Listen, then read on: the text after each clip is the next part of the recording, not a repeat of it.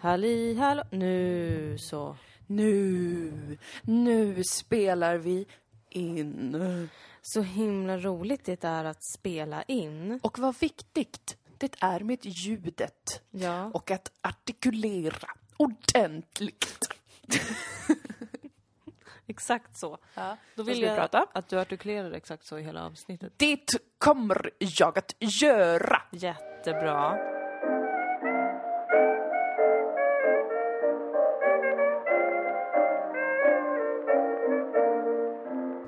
Åker vi! Nu åker vi! Vart är vi på väg? Ja, vad roligt att du sa just det, för jag vet inte om, om du visste det, men, Mm, men jag och Dilan ska vara med På spåret. Nej, lägg av. Men, och, förlåt, jag måste bara... Måste man inte vara känd för att vara med i På spåret? Uh, jag vet inte vad du insinuerar. Uh, nej, jag bara, det är bara för att jag, all, jag har aldrig sett dig förut. Det är så kul, för det, exakt så sa ju en person till dig. Ja, det, det hände mig. det var jätteroligt. Eh, och jag höll med. Jag förstår, jag, jag, jag förstår inte för mitt liv Eh, hur eh, det gick till. nej, det är ju lite som när vi blev bjudna på Guldbaggegalan. Alltså det känns som att vi har liksom vänner, som att vi, ja, som att vi är en okänd eh, sopran på operan. och nere i skuggorna rör sig Fantomen på operan. Ja. Och har blivit kär i våra yppiga pattar eller något sånt. Eller i vår Eller personlighet. vår fantastiska röst. Ja, i vår ja, jag ska inte förringa. Inte våra Nej, bröst. nej, utan i rösten. Ja. Våran yppiga röst. Ja, det jag skulle Ja, det var säga. det du sa. Jag trodde Ja. du sa... Ja, förlåt. Nej, det var dina snuskiga Ja. tankar som gick dit. Jag är så snuskig alltså. Och Fantomen på Operan lockar och pockar. The phantom of the opera is here inside your mind. Och bjuder in oss. Ja. Eh, Jag, det var länge sedan jag såg Fantomen på Operan, så Ja. jag vet inte om det här är en bra analogi. Nej, Men jag, det är min känsla liksom. Var är den här sexiga hunken som bjuder oss på bal? Nej, nu fattar jag att det är helt fel analogi. det är ju någon sexig hunk där ute. Ja, en kvinnohunk, Jag, kan, absolut. säkert, jag tror verkligen att det har varit en kvinnohunk i Ja. alla fall. Det tror jag också. Älskar Eh, kvinnor. Som bara är så... Ska inte... Ska vi inte ta med dem? Alla andra bara... Men måste man inte vara känd för att vara med här? De bara... Och den sexiga hunken bara... Jo men de är det. Det är bara att ingen någonsin har sett Det är dem. bara att ingen känner till dem. Ja. Men lyssna på deras röst. Deras yppiga röst.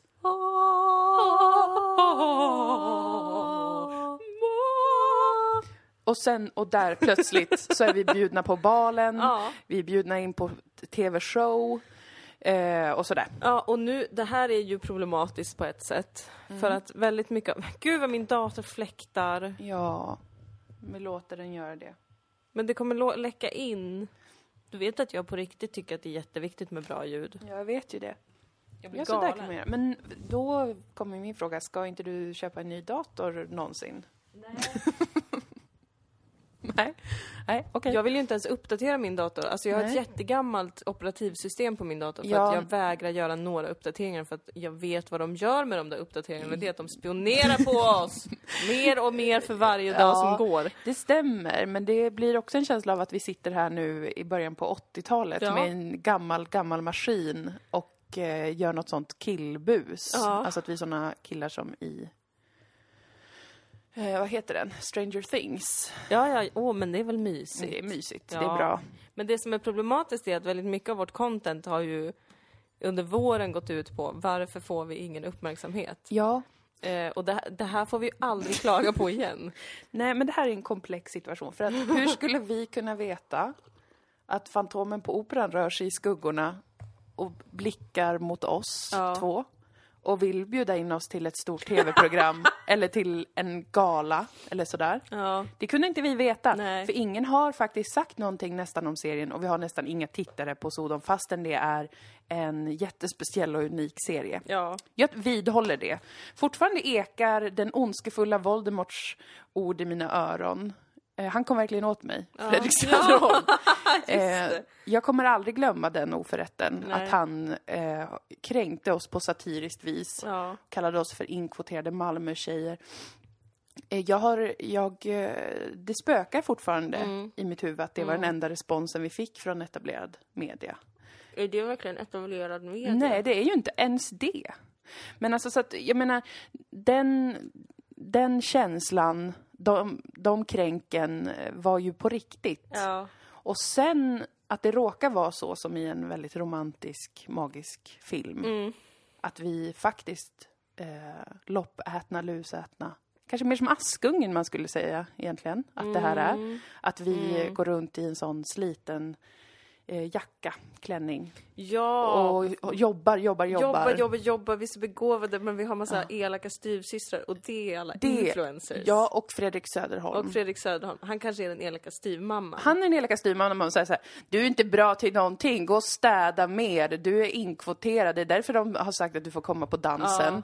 Det är inte ens på riktigt, din fula horunge. Säger vår egen styrmamma, Fredrik Söderholm. och vi bara, ja ah, men då är det nog så. Ja. Eller det har vi aldrig sagt. Eh, vi har Nej, ju det vägrat har- gå med på den bilden. Ja, vi har varit otroligt sura. Väldigt kränkta. Klagat mer högljutt än vad Askungen kanske skulle. Askungen är Men- mer timid. Mm. Vi har ju klagat till våra underbara möss. Ja. Det är våra eh, fans och Ja. lyssnare. Ja. Som är så, nej vi har aldrig hittat något vi gillar på SVT Play heller. Förrän ni kom dit. ja. Här- Mössen. Lusk- lurkar vi runt i mörkret. Och nu kommer de sy en klänning till oss till när Ja. vi ska vara med i På spåret. Ja. För att då enligt Askungen eh, eh, kronologin så är det ju väl en prins då. Det är ju en sexig prins som har eh, Det är väl den Eller hur- goda fen som får i- iväg kvinna. Askungen. en kvinna. Mössen syr en vacker klänning. Ja, Sen kommer väl fen och trollar på den. just Så så att den blir ännu... fetare. just det. Och att hon får en droska och allt det där. Ja, just det. Eh, och sen träffar hon prinsen, så det är väl det att vi kommer träffa en prins. Ja, Eh, och det är någon magisk fe där ute som har hjälpt oss på något sätt. Jag vet inte Ja. hur. eh, en magisk fe från eh, etablissemanget. Ja. Älskar den, eller dem. Ja. Det var faktiskt en bättre, eh, heter det analogi? Ja. Mm, än Fantomen på Operan. Jag gillade det- ändå. Ja, den skapade ju mer en nerv, Ja. eh, tycker jag. Den melodin är så dramatisk Alltså, den också. är så bra. Den är otrolig. Man ryser. Ja. Mm. Jag har aldrig sett Fantomen på Operan. Nej, jag har Eh. gjort det, men, men bara på film då. Jag har bara sett den där låten spelas upp. Mm. När min stora syster gick i nian, Ja. även när jag gick i nian, för vi gick på samma skola. ja, men inte samtidigt. Inte samtidigt, för att vi är absolut inte lika gamla. Nej, ni är inte tvillingar. Då fick nion alltid sätta upp en så kallad soaré, Okej, vilket classy. betyder kvällsföreställning tror Mm, jag. mm. Där det det. var sång och musik och eh, skoj Ja. och teater. Ja. Och när hon, hennes årskull gjorde soarén, Mm. alltså jag blev helt golvad. Vi spelade in den på VHS och Ja. sen kollade jag på den om och om igen. Och då hade de med den låten. De var så duktiga. Ja, men var de, när du kollade på efterhand, var det lika bra då? Ja, Oh my god. alltså jag kollade på det i flera år i efterhand. Men när du fortfarande var ett barn? Har du sett det som Ja, vuxen? in till tonåren skulle jag säga. Ja, men du har inte sett det i vuxen ålder? Nej, för den försvann. Okej. The Like Missing the Phantom of the Opera disappeared. För att jag, på min eh, högstadieskola, Mm, då gjorde musikklassen, jag gick i musikklass då, mm, eh, nerd alert, då gjorde man i nian Mm. Grubberevyn. Och i åttan fick man Mhm. också vara med. Grubb, grubb, Grubberevyn. grubberevyn. Ja, skolan heter Grubbeskola. ja, ja, ja. Eh, och då minns jag, jag kände mig som en otrolig stjärna. Mm. Jag eh, sjöng Money Brother, för jag var indie redan då. Jag sjöng They're building walls around us. Jag hade gjort en Money koreografi. Brother.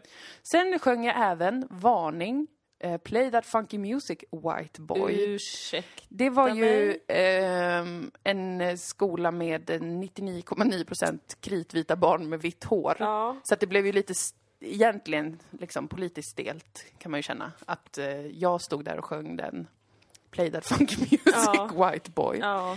Men kanske också lite roligt om man vill vara öppensinnad. Men i alla fall så tyckte jag att jag var väldigt bra. Jag fick uppträda på stan Oj! mm, med Play That Funky Music White Boy. Blev du någon sån så barnstjärna i Umeå? Nej, det tillhörde musikklasserna. Okej. Vi fick göra sånt. Vi fick även lussa på olika ställen. Det är därför jag har lussat för Hagamannen. Jaha, Och ja, liknande. det är ju en lustig anekdot ur ditt liv. Jag har sjungit eh, Lusselelle för Hagamannen. Han var ju chef. Eller jobbade på eh, Volvo tror jag det var. Ja. Eh, så då var han där. Vi visste ju såklart inte det. Då hade vi ju inte varit så avslappnade. Men Jag var det fick- under tiden för Hagamannens framfart? Mm, det var det. Ja, Jag gick i högstadiet. Nej. Japp. Ehm, så att sen när det kom fram eh, vem det var, när han blev gripen, Ja. så la vi ihop ett och annat och förstod att det var han. Mm.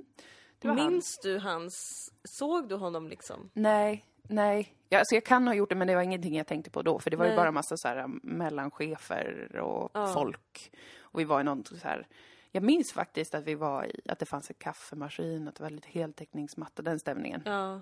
Eh, och vi hade tända ljus och det var stressigt sådär. Man är rädd att någon ska svimma. Vad satt han och tänkte då?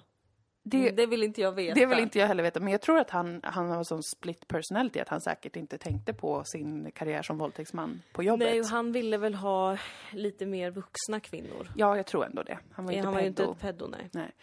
Men i alla fall så vi som musikklass eh, gjorde en del sådana här event och då sjöng jag även det på stan då. Ja. Play that funky music white boy. Finns det här inspelat? Ehm, inte, det, inte det uppträdandet på stan, men däremot Grubberevyn finns inspelat. Och det Ja. var det jag tänkte på då, för att jag såg det då ehm, när jag var efter, alltså efter det hade hänt nyligen. Ja. Och var så här, ja men det här var faktiskt riktigt bra. Ja. Och när jag var yngre och såg Grubberevyn med niorna, då var jag också alltid så här, "Ah, det här är det bästa som har hänt på en scen. Sen såg jag det som vuxen Ja, eh, och i led. ja. Alltså då var jag så här, hur kan det vara, hur kan jag ha upplevt att det här var bra? Alltså hur? Mm. Det är det sjukaste jag har varit med om. Det var som att jag måste ha varit under the influence. Men det var Ja. ju under the influence av barndommen, när man Ja. inte har några referenser. Nej men jag, är, jag hör vad du säger. Ja. Men jag är övertygad om att skulle jag få se, skulle jag hitta videon till niornas, alltså 87ornas Ja, det. soaré på Skolhagenskolan i Täby. Mm. Då skulle jag bli lika golvad än en gång. Ja. Ja, det kanske är så. Alltså det är inte omöjligt Han var så alls. duktig på piano, Oh, Wow. han som spelade Fantomen. Var det lite sådär elitelever då ja, eller? han, Det var ja, ingen han musikklass. var ju verkligen pianoelit. Mm, mm. Gud ja. Då kan jag tänka mig att det var riktigt bra. Spelade Chopin vill jag minnas. Oh, Jag tror att det var där min wow. kärlek för Chopin började. Mm, mums. Ja, drabbad. Våran var också väldigt bra. Men Mm. sen tycker jag faktiskt att det gick ut för. Det måste jag säga. Antingen gick du ut för eller så blev du äldre. Eller så blev jag äldre. Och man börjar förstå att liksom, det finns Ja. sätt att spela musik live som blir bra. Ja, just det. Men ja, jag är inte stängd för möjligheten att det där var en helt otrolig show som de hade. Nej men det 87. var det, det var det. Det var det verkligen. Och våran var också riktigt härligt, härligt rolig. Men det var liksom ett tema på hela föreställningen? Ja, eller? det var det. Ja. Jag minns inte riktigt vad det... Jo, deras tema var något med något så kärnkraftverk, tror jag. Oj. Som skulle starta eller lägga ner. Jag minns att min syster var en av demonstranterna mot kärnkraftverket i Ah. Sorgen. Oj. Vi hade ett hotell dit kungafamiljen skulle komma på besök. Spännande. Och jag hade som alltid 80 olika roller för att jag var ett sånt teaterpretto. Ända sedan jag var liksom i lågstadiet skulle jag alltid ha för många roller. ja, okej. Så jag spelade liksom dotter i den där familjen. Sjöng Hönan Agda. Okej, av Cornelis Vreeswijk. Samma låt som jag sjöng när jag sökte in till scenskolan. Just det, den har stannat med dig. Det är världens bästa låt för att den är rolig och lite snuskig. Men på ett charmant sätt. Okej. Och den handlar faktiskt om kärlek. Ja. Det var riktigt vackert. Och jag minns att det var väldigt roligt att jag spelade eh, min rasistant-karaktär Beatri Beatrice, Beatrice Alexandra af Huppenstaff, eh, tillsammans med en klasskamrat som också spelade rasisttanten Märta, tror hon hette. Och vi gick runt i pausen och var jätterasistiska. det var Som så kul. pausunderhållning. Ja. ja. Så där gick jag runt ett litet invandrarbarn och Ja. eh, klagade på negerpojkar i teet och Nej små svartingar som springer omkring. Och alla liksom vita Täby-föräldrar blev jätteperplexa. Det förstår Men jag. också roade Ja, ja. av den här kontrasten som uppstod som jag var otroligt nöjd med. Roligt att det på två olika skolor i två delar av Sverige under ungefär samma tidpunkt gick, du gick runt så i, en, i karaktär och var urrasist. Ja. Och jag stod på en scen, vit som snö och Ja. sjöng Play That Funky Music White Boy. Det är ju fantastiskt. Man kan säga att vi började skämta tidigt, båda två, om känsliga ämnen. Den provokativa humorn, den fick vi i modersmjölken. Ja, det var must. Och sen fann vi varandra. Ja, som i ett slag av kosmos. Verkligen, verkligen. Vilken underbar resa längs minnenas allé. Ja. Wow! Ja men vad kul faktiskt att komma ihåg det. Vi har haft så mycket panik nu i och med eh, På spåret också över just eh, min provokativa humor. Ja. Eh, och att jag har varit rädd att Alltså det är du något... har haft det, jag har inte Nej, det. du har inte haft Nej. det. Jag har haft jättemycket panik. Men, och att jag har varit rädd för att det är något som har drabbat mig i samtiden. Ja, men nu blir det För tydligt. att alla vill vara lite edgy nu och typ säga en ordet vilket jag gjorde för en liten stund sedan. Ja. Men det var ju för att citera karaktären. Ja, du märker precis. nu hur jag går igång Ja, här ja, förklarar. Ja. Men så där höll jag ju på när jag var liten också. Det här har följt med dig väldigt länge. Du har alltid varit en provokatör. Jag har alltid men inte tolkats riktigt som det. Nej. Jag tror att det är det för att du har haft sådana skämt alltid så länge jag har känt dig och uppenbarligen sen barnsben. På olika sätt en väldigt... Hon var sån eh, jävla rasist alltså. well, I Beatrice alltså, inte jag. Nej, inte du. Men att det är liksom den här nojan som har kommit nu är kanske då att någon eh, ska upptäcka det. Eh, Snarare. För att det sättet att skämta har varit med länge. Ja. Alltså att vara, gå in i karaktär eller vara väldigt grov eller eh, allt det där. Ja. Har du haft alltid? Alltså det var jag ju väldigt, eh, vill jag minnas, tidig med att säga i någon intervju att du Eh, ingen kan dra så grova skämt som du. Men var, för det var som att det var aldrig någon som reagerade som att det var så. Nej, men jag tror att det är det som är the gift and a curse med att eh, vara en, dels en kvinna och en invandrare. Ja, det är ju en börjar- del. Det, det är många som vill lyssna på en som att man är väldigt smart då för att de verkligen inte vill vara fördomsfulla själva. Så att de inte förstår att man är jättegrov och provokativ utan Det att de ger ju så... ett eh, väldigt bra utrymme faktiskt för att få skämta på precis Mm. det sätt som du gör. Mm. Men jag, tänk, jag tänker att det är en del. Sen är ju en del att eh, vara, eh, ha välsmort munläder Ja. som du har. Gud ja. Eh, alltså att det kan vara ganska små nyanser i hur man eh, betonar eller hur man säger saker Mm. som kan ge olika effekt. Alltså att man kan säga ett grovt skämt på ett sätt och det bara blir hemskt Mm. eller känns hotfullt. Men man kan säga ett lika grovt skämt i princip med en i media persona eller i karaktär eller med en viss betoning Mm. och då eh, fattar man att skämtet är på karaktären eller på den som Mm. eh, allegedly skulle säga någonting sånt. Versus att det är personen som just sa det som sa det. Precis. Det tänker jag är också en komisk talang. Absolut. Att kunna eh, reglera det. ja. Att kunna gå in och ur så snabbt i olika typer av tonfall och karaktär och liknande. Att det är ju faktiskt något som många inte kan. Och då blir man bara liksom lite förbryllad och kränkt ibland. Mm. När någon säger något skämt som man bara, men gud. Ja It jag, too real. man får vila i det lite. Mm. Faktiskt. Det tycker jag ändå att man får begära att det måste ni förstå. Att det här är ett sätt att skämta.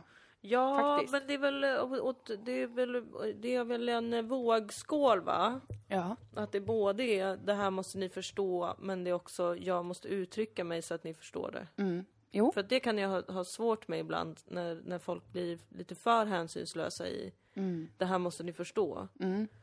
Eh, för det, det, jag tycker ändå också att det vilar ett ansvar på avsändaren att göra det tydligt. Precis. Men inte öv- problemet är väl att folk gör det då för övertydligt istället Ja. för att våga använda sig av de här nyanserna. Ja, jag, jag skulle våga påstå att det handlar om talang.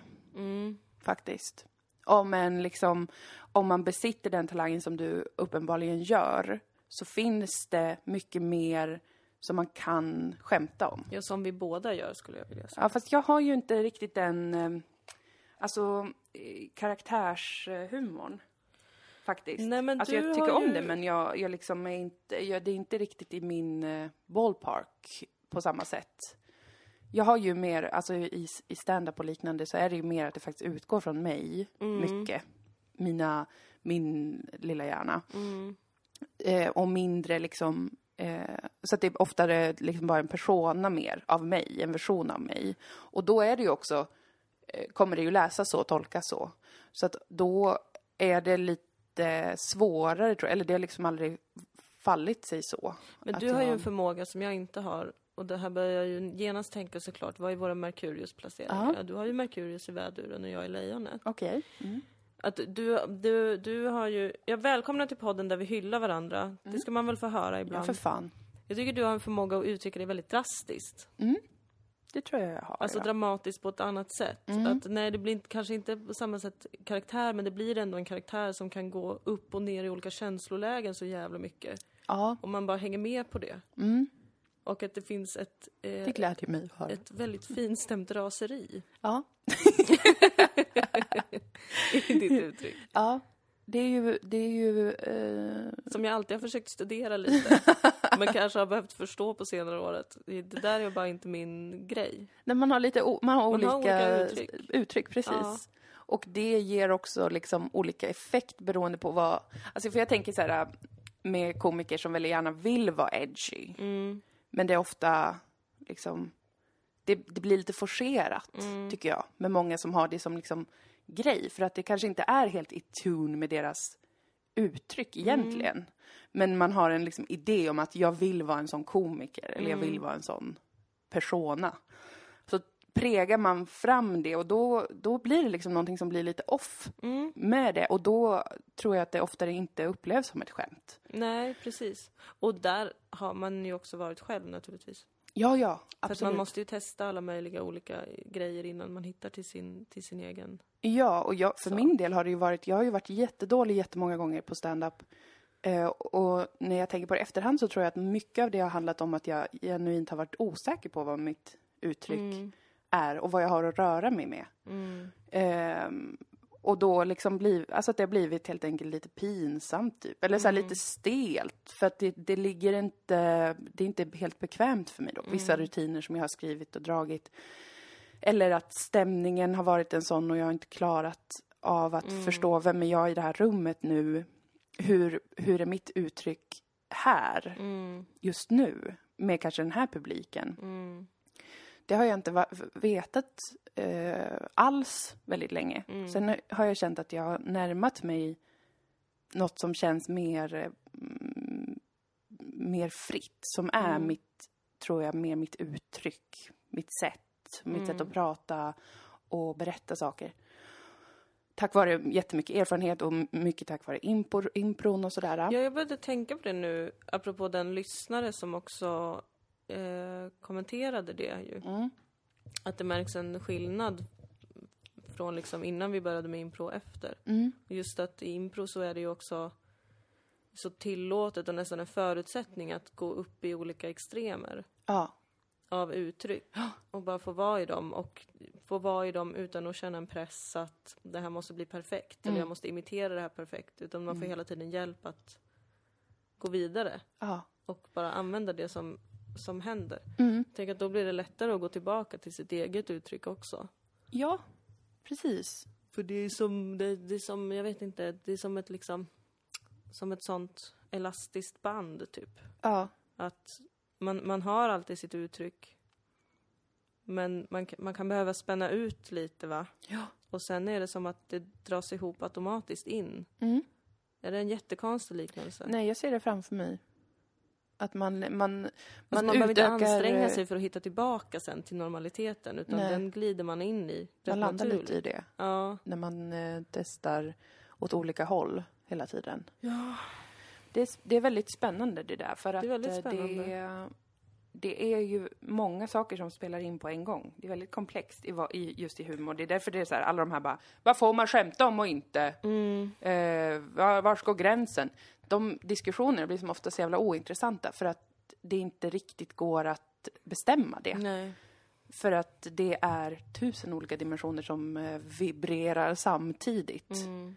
Eh, Precis som när man kommunicerar med varandra på andra sätt. Det är också jättekonstigt, alltså vad får man skämta om? Alltså hela grejen, eller det beror väl kanske på vilket fält man jobbar inom såklart. Mm. Men jag tänker alla vi som gillar den provokativa humorn vill ju bara skämta om det man inte får skämta om. Mm. Alltså det faller ju på själva frågan, alltså vad får man skämta om? Ja, precis. Jag bryr mig inte om vad man får skämta om. Nej, jag vill ju bara inte. skämta om Ja. det som man inte får prata om eller det man inte får tänka på eller skämta om. Ja, Men frågan är hur man gör det då.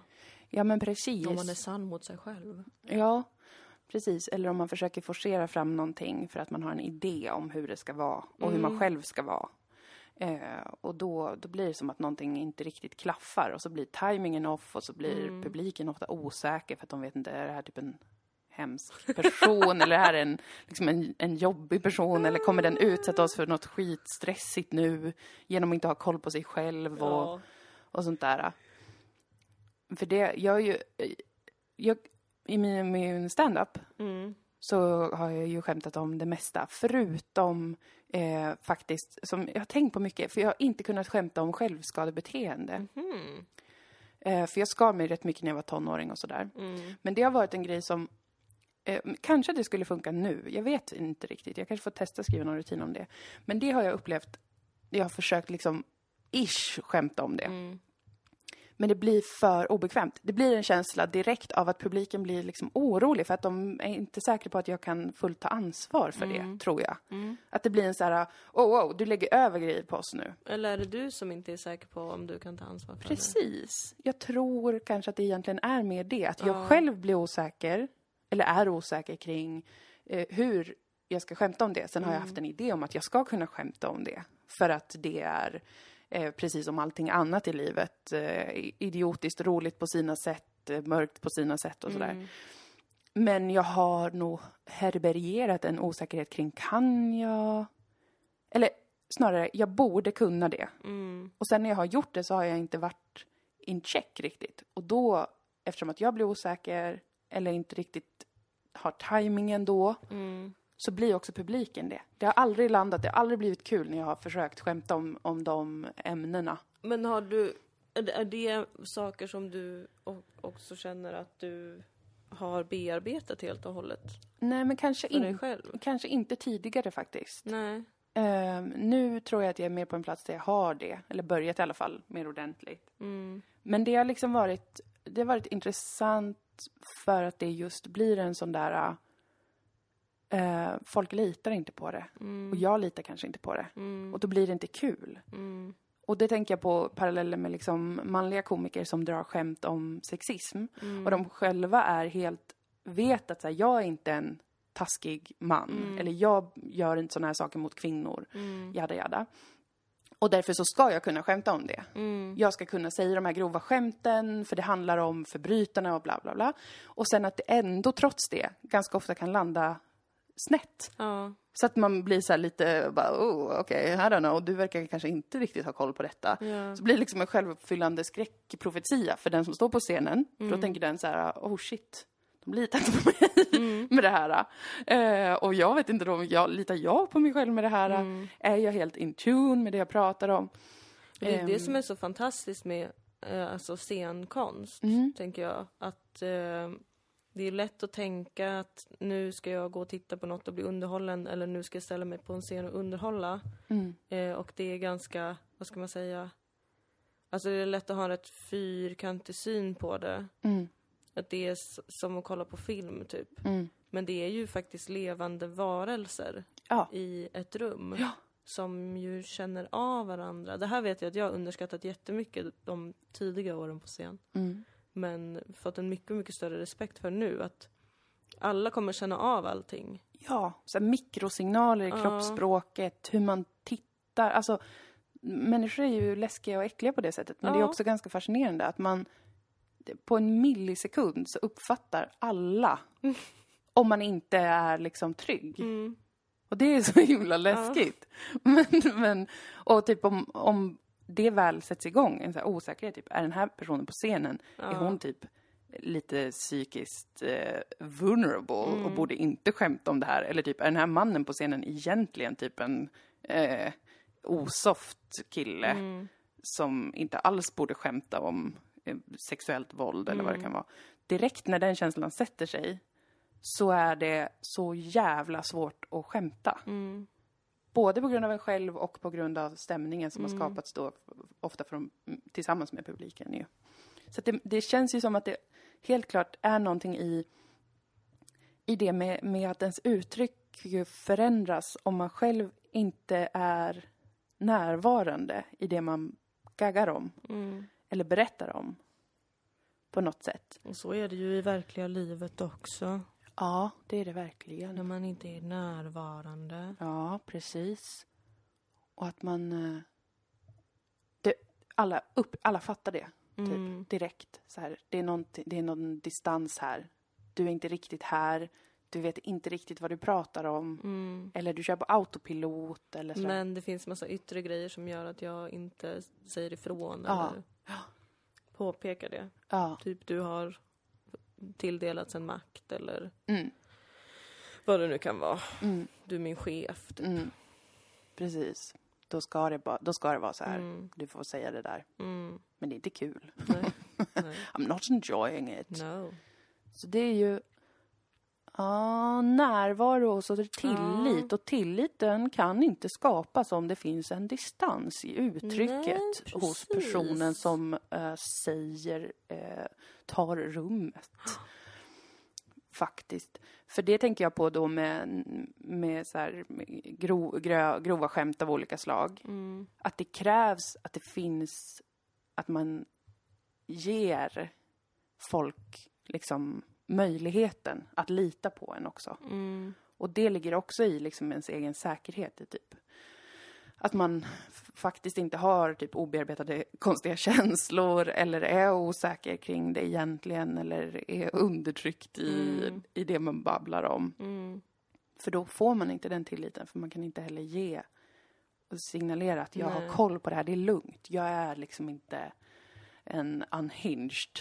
Men det tänker jag att det kan finnas en press för många nu också i, i dessa tider.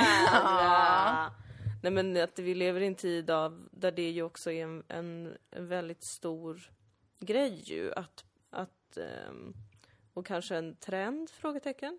Mm, svårt ord. Mm.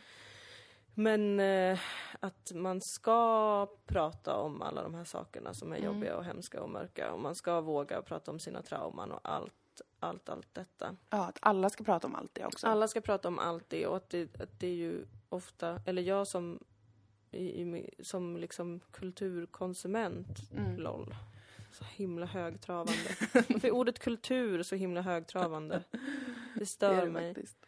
Nej men att jag känner många gånger att jag märker att det här är själlöst. Eller, alltså Mm. även om man pratar om något väldigt Mm. liksom djupt. Alltså ty- typ självskadebeteende Mm. eller man har varit med om sexuella övergrepp eller Mm.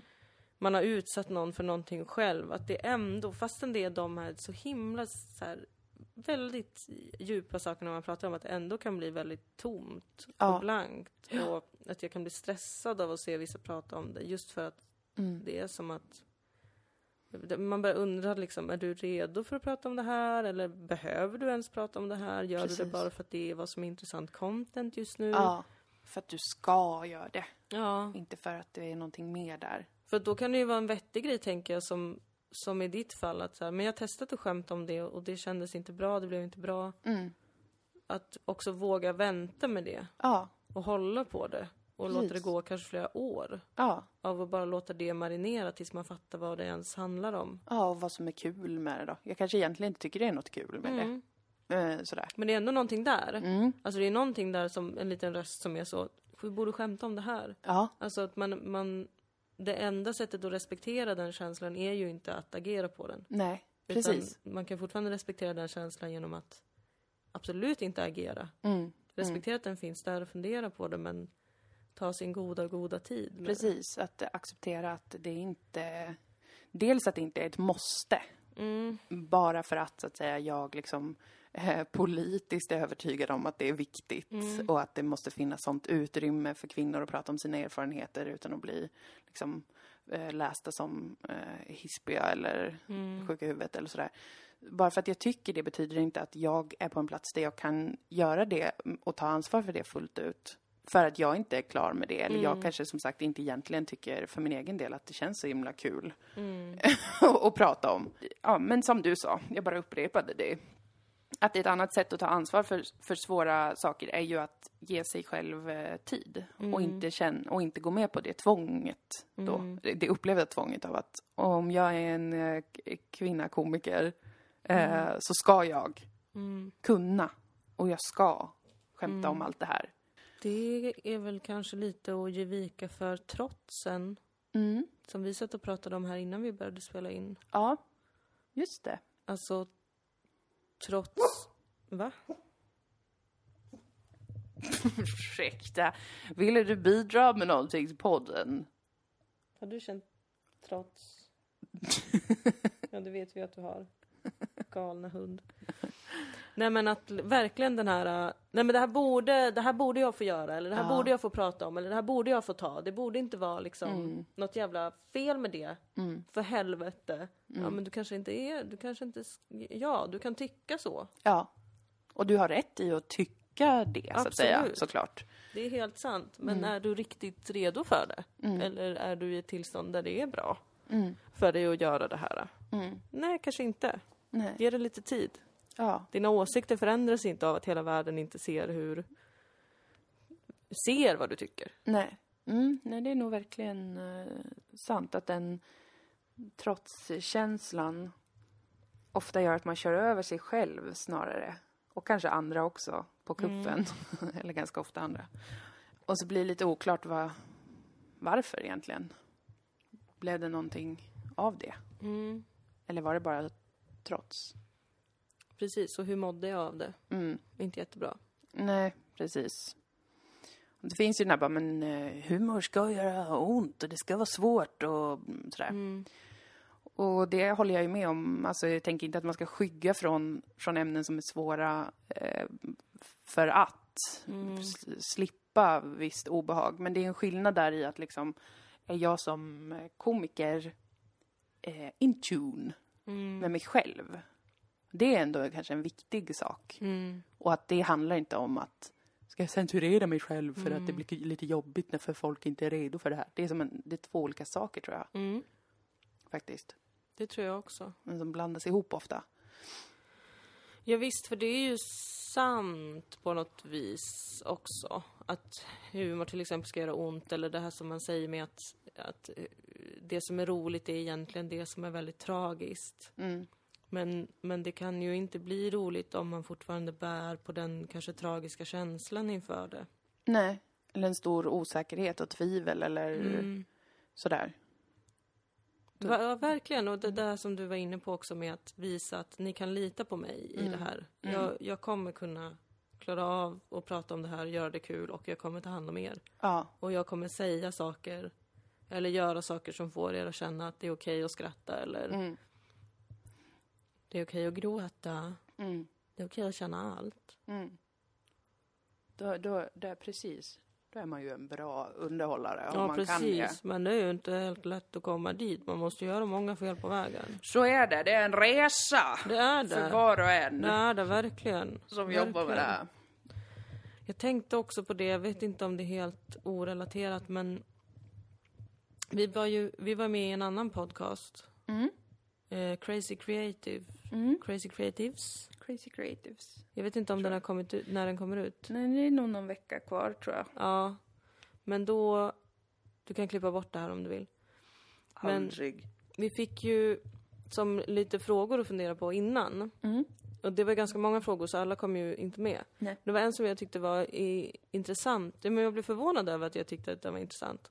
Som var ehm, Måste man vara olycklig för att kunna vara kreativ? Mm. För det är ju också en gammal klyscha ju. Oh yes. Att en konstnär är alltid destruktiv och olycklig och det är bara då man kan skapa. Mm. Ehm, som jag har, har tänkt på i många år att så, nej, så ska det inte behöva vara. Man ska vara lycklig. Men, jag, men att jag började känna då när jag läste den frågan och började fundera på det att typ, jo, man måste ju ändå kunna vara olycklig. Mm. Alltså att jag tror att jag har gått från att tänka väldigt mycket, nej man ska bara vara lycklig hela tiden och glad och harmonisk och då ska man också kunna skapa och allt blir mycket bättre. Mm. Ja, fast man måste ju kunna vara olycklig också. Mm. Alltså du måste kunna gå in i perioder där du är ledsen eller deppig eller liksom missnöjd med sakernas tillstånd. Ja. Men kunna komma ur det och sen skämta om de sakerna Mm. när det är bearbetat eller färdigt eller klart. Ja. Det farliga är ju att stanna i både det ena och det andra, tänker jag. Precis. Och att det är liksom, eh, när det eh, idoliseras att vara depressiv eller psykotisk så kan det ju också bli ett liksom, eller funktionell, att det också kan bli ett trots hos personer då. Som egentligen skulle må väldigt bra av att ta hjälp eller inte vara i för långa perioder av eh, depressivitet till exempel. Men att man då har ett sånt trots att så här, men så här ska det vara. Och om det här försvinner så har jag inte min kreativa förmåga kvar. Eller då har jag ingenting att säga eller då blir jag tråkig och sådär. Att det kan ju bli ganska Mm. deppigt för att jag tror inte, jag tror att det finns ett samband mellan liksom stor fantasi och hög associationsförmåga Mm. och kreativitet. Mm. Och det kan också skapa, om man tänker att man har väldigt mycket fantasi och gör väldigt snabba associationer så kan det gå åt olika håll och ett av de hållen är att man också har väldigt lätt att bli paranoid till exempel. Har fantasier, illusioner om vad andra tänker om en och känner om en. Relate. Eh, Yes. Och man kan bli eh, väldigt rädd. Mm. Relate för mig. Ja, visst, för man fortsätter associera på det sättet fast i sitt eget liv. Precis. Inte bara i sin fantasi. Man har det liksom, det, det, det kan ta över väldigt stor del av ens vakna tid. Mm. Och jag tror liksom inte att det är en slump att det är ganska vanligt med olika typer av psykiska eh, problem bland kreativa människor och sådär. Att det historiskt har varit mycket att en konstnärer kanske har varit eh, mm, bipolära eller eh, schizofrena eller du vet. Jag, jag tänker att det finns ett samband, men sambandet är inte mellan olycka och kreativitet utan mellan hög associationsförmåga, stor fantasi och kreativitet. Eh, men Ja. då kommer det ju finnas perioder av mer depressiv eh, stämning, Ja. antagligen. Inte för alla, men kanske för ganska många som har sådana eh, hjärnor som jobbar Mm. på och så. Så kommer det kanske vara perioder av depressivitet, men det är inte de i sig själv som skapar eh, förmågan att kunna eh, bygga upp en värld eller Mm. en berättelse eller sätta in sig själv i olika sammanhang och situationer och sådär. Ja, för jag tänker ju liksom att det är lika hämmande att bara vara eh, glad och tillfreds Ja, visst. hela, hela tiden. Ja, det tror jag. Absolut. För att det är omöjligt, höll på att säga. Men, eh, men vissa kanske har den. Ja, men det är väl lite mer en grej som livet bara gör åt dig. Ja, Att du kommer inte vara glad för allt. Det kommer hem, något, någon kommer dö, eller något Ja. kommer hända. ja du kommer vara du kommer missnöjd med ibland med Ja. ditt liv eller ditt jobb eller... Det får man som av Sådär. kosmos lite grann. Ja, det är bara att vara människa. Men att ta sig ur det sen och bli glad är mycket mer ett eget arbete. Fast det är Ja. också ett eget arbete att, att sätta stopp för, för sin lycka kanske ibland. Jag vet inte. Nej, jag har så svårt att tänka. Jag tror inte jag känner någon som har upplevt livet så att man liksom väldigt oavbrutet har känt sig lycklig och tillfreds. Eller lycklig är väl en sak, men liksom helt okritiskt nöjd jättelånga perioder tror jag inte vet någon. Mia Törnblom. men hon var ju narkoman väldigt länge. Ja, Så hon måste det. ta igen jättemånga år och Ja, vara nere i helvetets eldar. så hon, vi kan unna henne att ha Ja, riktigt många goda år nu av sån konstig manisk extas Det över livet. verkligen. Förlåt, det är inte konstigt. Så kan man väl känna. Ja. Men, eh, men jag tycker ju... eh, Jag har ju, sen jag började medicinera mot äh, ångest, så har ju in, ångesten minskat väldigt mycket. Mm. Men jag upplever inte att min kreativitet har minskat Nej. i takt med den. Nästan tvärtom. För jag har mer energi till att sk- skapa saker. Mm. Alltså bara för mig själv, hålla på med grejer. Och det är lättare att bli uttråkad tycker jag när man är gladare. Ja, men man har lite mer driv typ. Ja. Det, det är svårare att stänga av helt. För det är ju Ja. lätt att stänga av när man upplever många, många ångesttoppar på en dag. Mm. Så är ju det enda man vill är att få lite frid genom att eh, vara lite full eller hög eller kolla på en realityserie Mm. i 14 timmar eller sova i 14 timmar. Alltså man, vill, man, vill, man vill bara ha en paus liksom från all stress det innebär att känna jättemycket ångest och oro hela tiden. Mm. Och om man inte har så himla mycket ångest och oro på vardaglig basis, då behöver man inte stänga av lika mycket och ofta kanske. Mm. Eller så upplever jag det i alla fall. Nej Och men det då- är det jag menar med mm. att det är lättare att bli uttråkad också. För Ja. att när man är uttråkad så vill man göra någonting av det. Ja, Kanske bygga något eller rita något eller prata med någon eller ta en promenad eller vad som helst. ja. Istället för att redan vara konstant Överstimulerad. överstimulerad, stänga av. Mm. Så att det... Men jag tror också om man, om man en gång har haft eh, den känslomässiga erfarenheten av att vara riktigt deprimerad eller suicidal eller sådär, så kommer man ju inte glömma den. Nej. Den kommer ju inte, eller man kan ju ofta försöka glömma det ju när man mår bra. Då vill man ju inte hålla på och tänka på att man har varit en deppgök. Men man, man har liksom den erfarenheten då. Så att om någon annan berättar om den, eller om man hör en situation om någon som verkar vara depressiv eller liknande, så går det ganska snabbt för en att associera tillbaka och minnas och sätta sig in i det. Vilket också innebär att man kanske har en vidgad förståelse för, för fler personer än om man aldrig någonsin hade känt det. Så på det sättet kan det ju finnas liksom att man får en större repertoar av hur det är att vara människa om man Ja. har gått igenom väldigt många olika perioder av att vara eh, olycklig. och då kan man ju kanske, ja men då kan ju andra personer som har känt så relatera till Visst. en. Så det är ju inte av ondo att va, ha varit depressivt lagd eller vara det. Men att det skulle vara i sig själv eh, kreativitet eller skapande är en myt Ja. faktiskt. Som Jag jag, tror som känns, med. det var- minns vi pratade om i något tidigare avsnitt också för att den känns så här fetischiserande Mm. av normis. Alltså från normie-håll, att, liksom, att det blir en så här, oh det är så himla spännande med såna här äh, skapande personer för de är så himla crazy och de kan inte ha en eh, relation eller, alltså att det finns ett så behov av att det ska finnas på det sättet som liksom eh, nästan som reality-underhållning också. Att privatlivet för skapande människor ska vara spännande och eh, dysfunktionellt. Mm. Dramatiskt. Ja, annars så, så, är, så blir det tråkigt typ. Mm. Men så är det ju inte, för det finns ju bara tusentals miljarder olika variationer på hur hjärnor eh, fungerar och tar in information och ger Ja. ut information på olika sätt och skapar massa eh, tokiga roliga grejer. Det finns, det är det som är kul. Mm. Inte att såhär, ha ha ha, den eh, är en alkoholist, vad Nu har den roligt. förstört allt för sig på riktigt. Ja, vad hemskt Tokigt, för den. tokigt, tokigt. Tur att det inte är jag. Man bara, oldest tale ever told. Att folk bara Men vill ha en varför sån. romantiserar man det? Jag menar, det, det, det vet ju jag att jag också själv har gjort mycket. Och när jag var yngre, absolut. Alltså, och Jo. verkligen när jag också kanske är mer eh, deppig. Ja, Att det blir den här romantiska bilden av att vara den som är helt ensam och förstör allting. Och, men det är väl att man inte har något att förlora då heller. ja så kan det inte. vara. Att man kan längta efter det ju. Att vara helt autonom på något sätt. Att ingenting spelar någon Är det något man roll. längtar efter då, tänker jag? Det kan det nog vara. Det För att det är väl alltid så, det enda vi reagerar på med andra människor är ju det vi själva har inom oss. Mm. Det var så kul igår, jag umgicks med två väldigt goda vänner. Mm. Och eh, en av dem frågade, kan ni säga en varsin sak, eh, varsin egenskap med mig Mm. som är eller har varit sårande för er? Mm. Och vi båda sa saker Mm. eh, som i själva verket är saker som vi är rädda för med oss själva. Mm. Mm. Det var Det- jättespännande ja. tycker jag. Ja. Eller där det är någonting som man faktiskt kan se i en spegling av oss. För vi Ja. sa helt olika saker. Ja.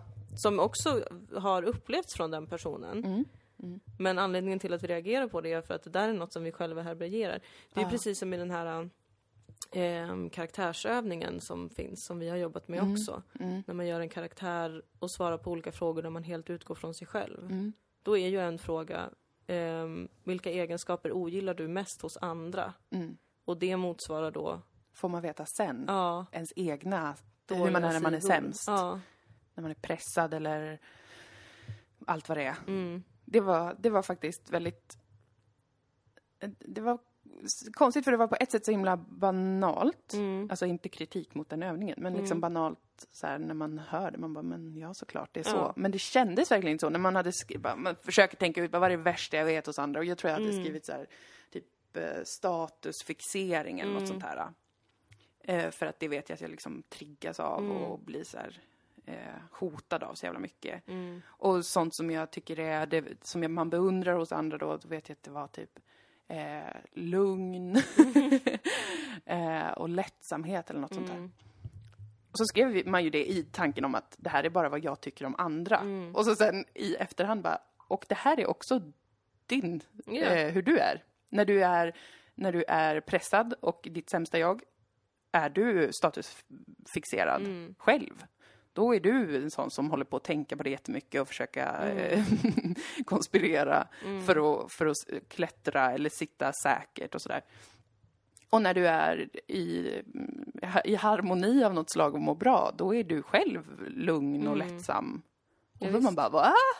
Det är ju som när vi pratade om eh, i avsnittet känslor Mm. och pratade om gråt och när, när jag sa att nej, men jag har blivit så irriterad på folk ibland när de är supergråtiga eller känslosamma. Mm.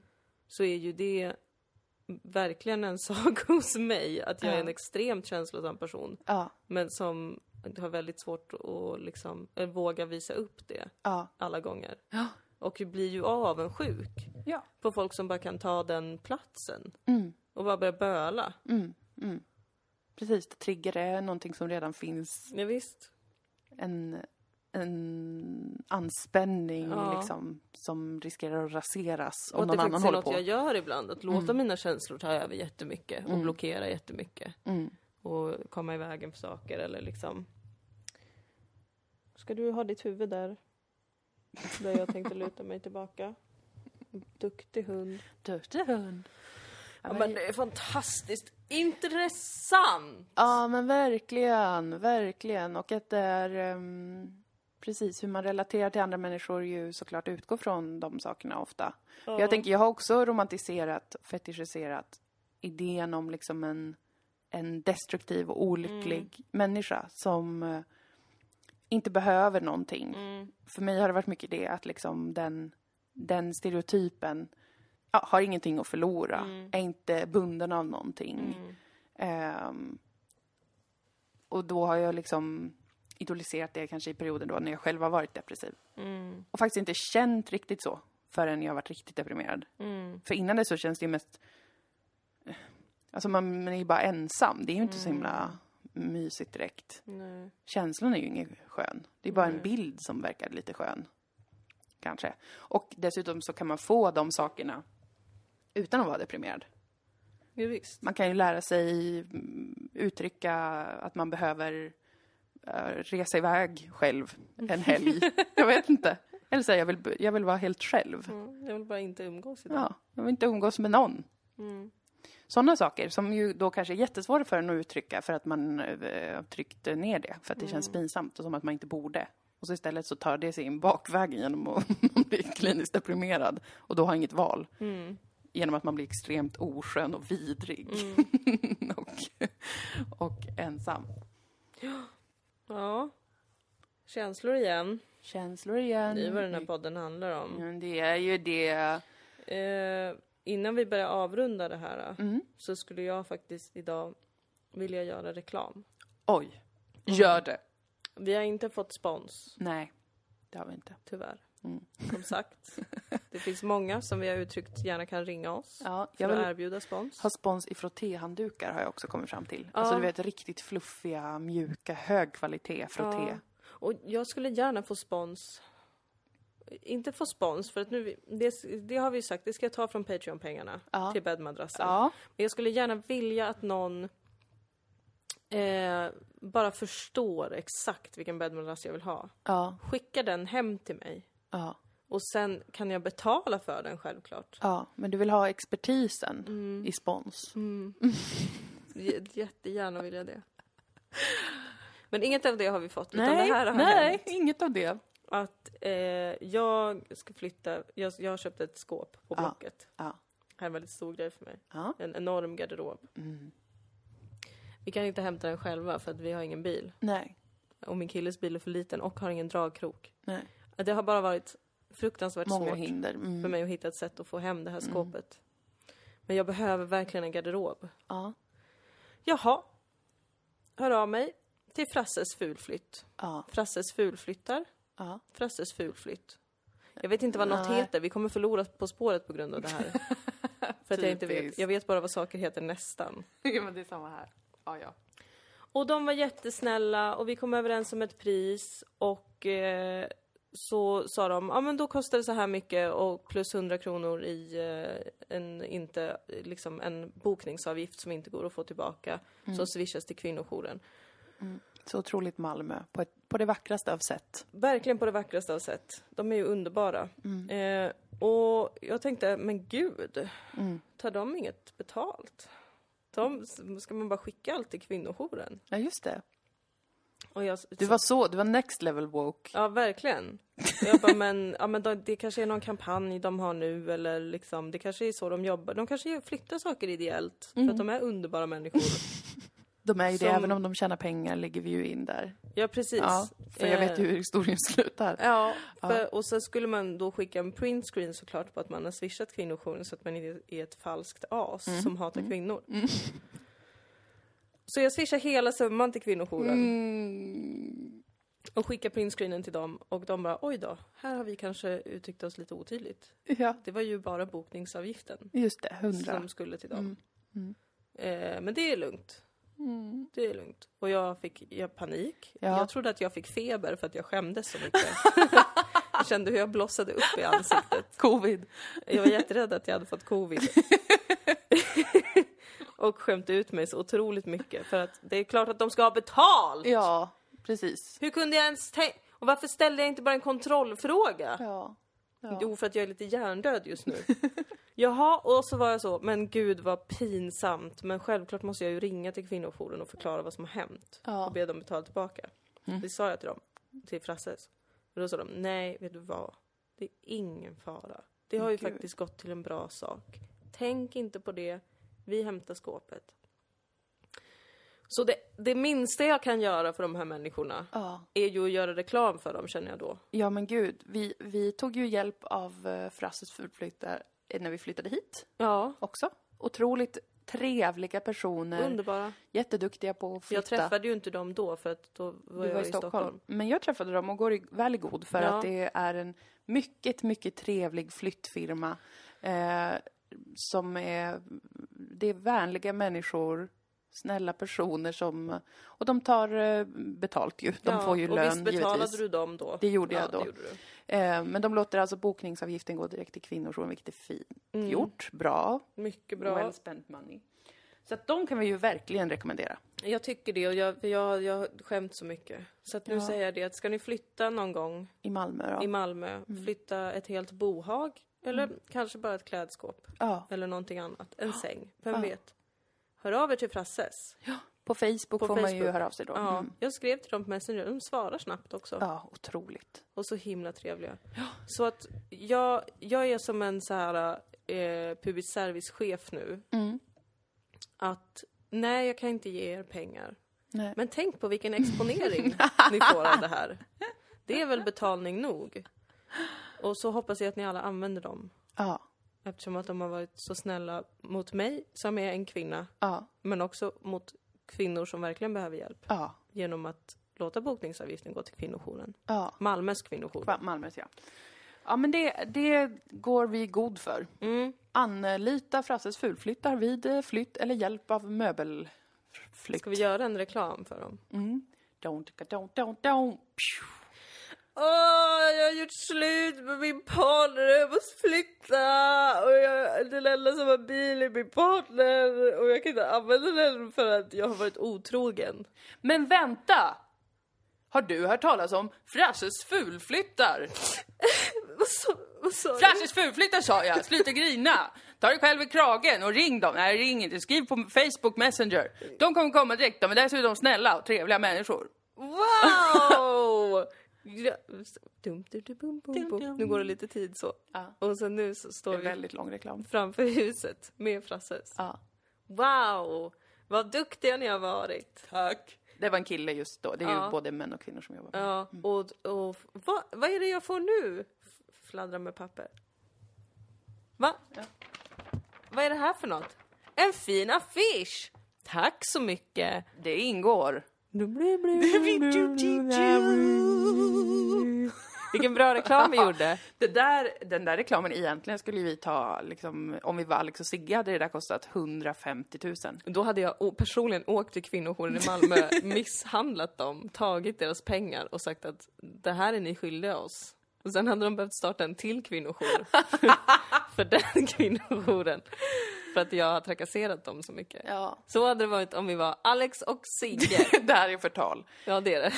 Men du sa det med skämtsam ton och ditt uttryck signalerar till mig att det var med välvilja och ett skämt, en satir över samtiden och de mörkare eh, krafterna i samhället. Tack så Alex och. Sigge skojade med inte, det är inte. De är nog De jättesnälla är tror säkert jag. jättegulliga också, Ja. men de är inte direkt som Frasse- Frasses fulflyttar. Nej, Alex och Sigge har aldrig hjälpt oss flytta någonting.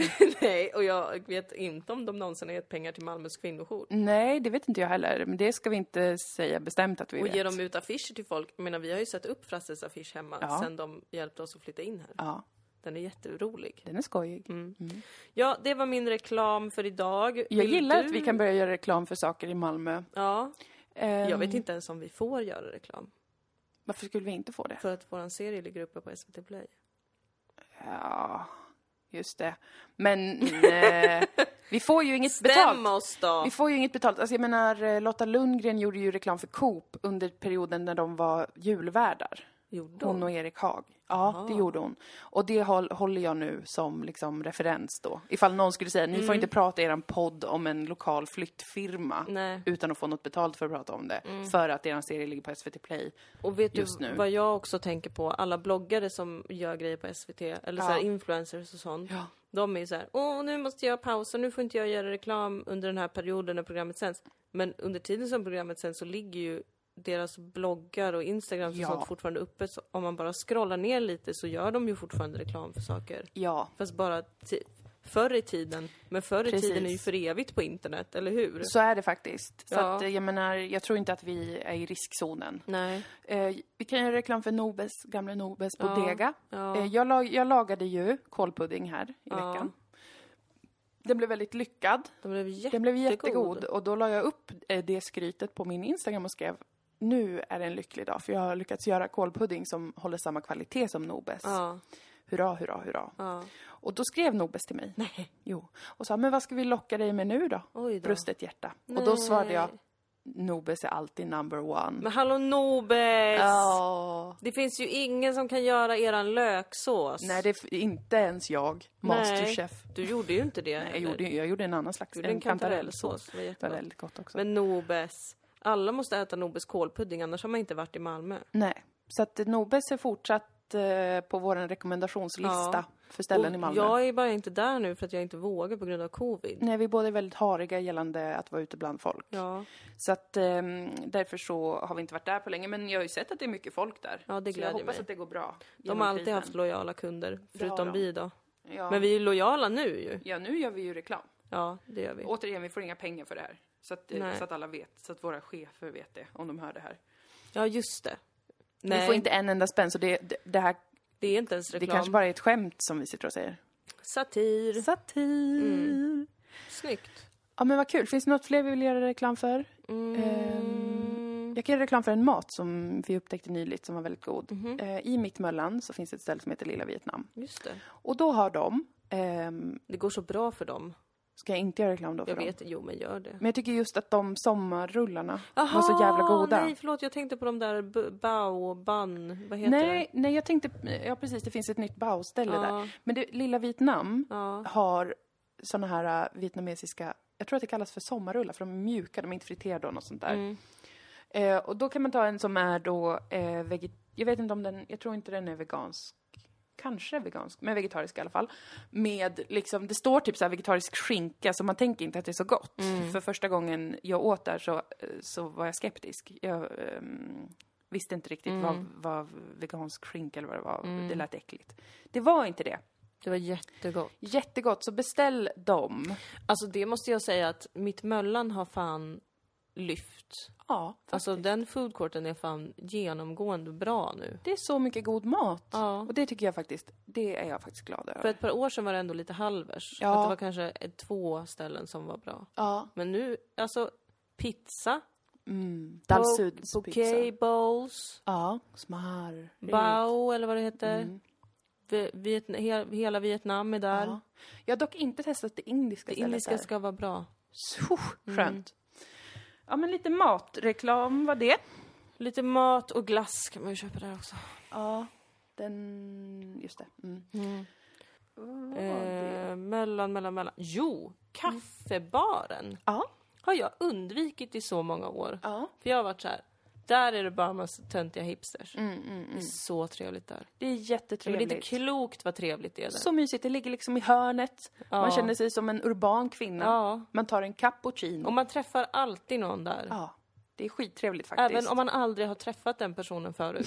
så känner man varandra. Så känner man varandra. Ja.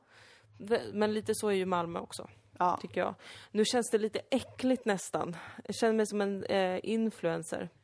Ja, men kan inte vi få vara det lite då? Jo, det kan väl få vara. Jag vi får komma ihåg att vi inte får några pengar för det här. Vi får inte en enda spänn. Nej, Eh, Så att det är väl ändå... det är väl... Och grönsakshandeln på Simrishamnsgatan bredvid gamla Simpan. Ja, den är jävligt nice. Man kan köpa så himla stora knytten, heter det det? Det är nog den bästa i Malmö, tror jag. Jag tror fan också det. Man kan köpa liksom typ ett kilo mynta eller persilja eller koriander Ja. där. Och Nancys ska ni gå till och köpa bröd. De har försökt chockhöja hans hyra, har jag hört. Va? Det gör mig ledsen för att Galna Nancy's får aldrig försvanna, försvanna. När jag och Robert blev tillsammans, det här är ett romantiskt minne, Mm. då gick han på helgerna ganska ofta och köpte färskt bröd på Nancy's, det sesambrödet. Mm. Och så åt vi det till frukost. Mm, är Och då tänkte jag, gott. Mm. vilket urbant liv jag lever med min nya älskare. och han är en sån som kan gå ut också och köpa någonting, för det gör inte jag. Nej. Jag går inte ut om jag Nej. inte är tvingad. Men så gjorde han det och det är väldigt gott. Smör och ost bara på den. Ja. Kanske lite gurka, alltså en väldigt basic setup. Helvete vad gott. Nancys, Ja, älskar. Älskar Nancys, faktiskt. Gå, gå, och köp, gå och köp brödet där. Mm. Nu får vi sluta. Nu får vi sluta, nu har vi gjort reklam för Hela Malmö. Möllan. Jag tänker att det är viktigt också för att vi hela tiden pratar om hur mycket vi gillar Möllan. Ja, att, eller Malmö då. för de som inte bor här, att de ska förstå varför, ja. Ja, att man kan ge lite tips Ja. på saker som vi vet är trevliga och Men har du gillar. sett Malmö, har du sett världen? Ja, så är det! Det, tror ni vi säger så för att det är en lögn, eller? Nej, det är för att det finns massa trevliga Hela grejer. världen finns här. Mm. Mums. Herregud. Mm, Och- eh, Nej, det här kan jag i och för sig inte säga. Där får vi prata om i nästa poddavsnitt. För ikväll, idag är det torsdag, vi har inte Mhm. sagt vilket datum det är. 24 september. ja. Ikväll ska du få din försenade födelsedagspresent av Ja. mig och Maria och Anna och det Ja. är en upplevelse. Nej men gud. Eh, men eh, jag kan inte avslöja det än, så vi får utvärdera det i nästa avsnitt av Men podden. gud! Jag är så spänd. Jag ska få så mycket idag. Jag ska få en upplevelse, jag ska få hem mitt skåp. Ja, Eh, och det, var väl, det är det. det är det. Det är det som jag ska få idag. Mm. Men vad, vad roligt. Det ska bli fint. Ah. Vi återkommer och ser om det blir en ny rekommendation sen. Ja, eller om jag hatar det. Ja, kanske blir jättehemskt. Ja, Det kommer det inte bli. nej. Okej. Okej kamrater och mötesdeltagare. Det var dagens avsnitt. Hej då.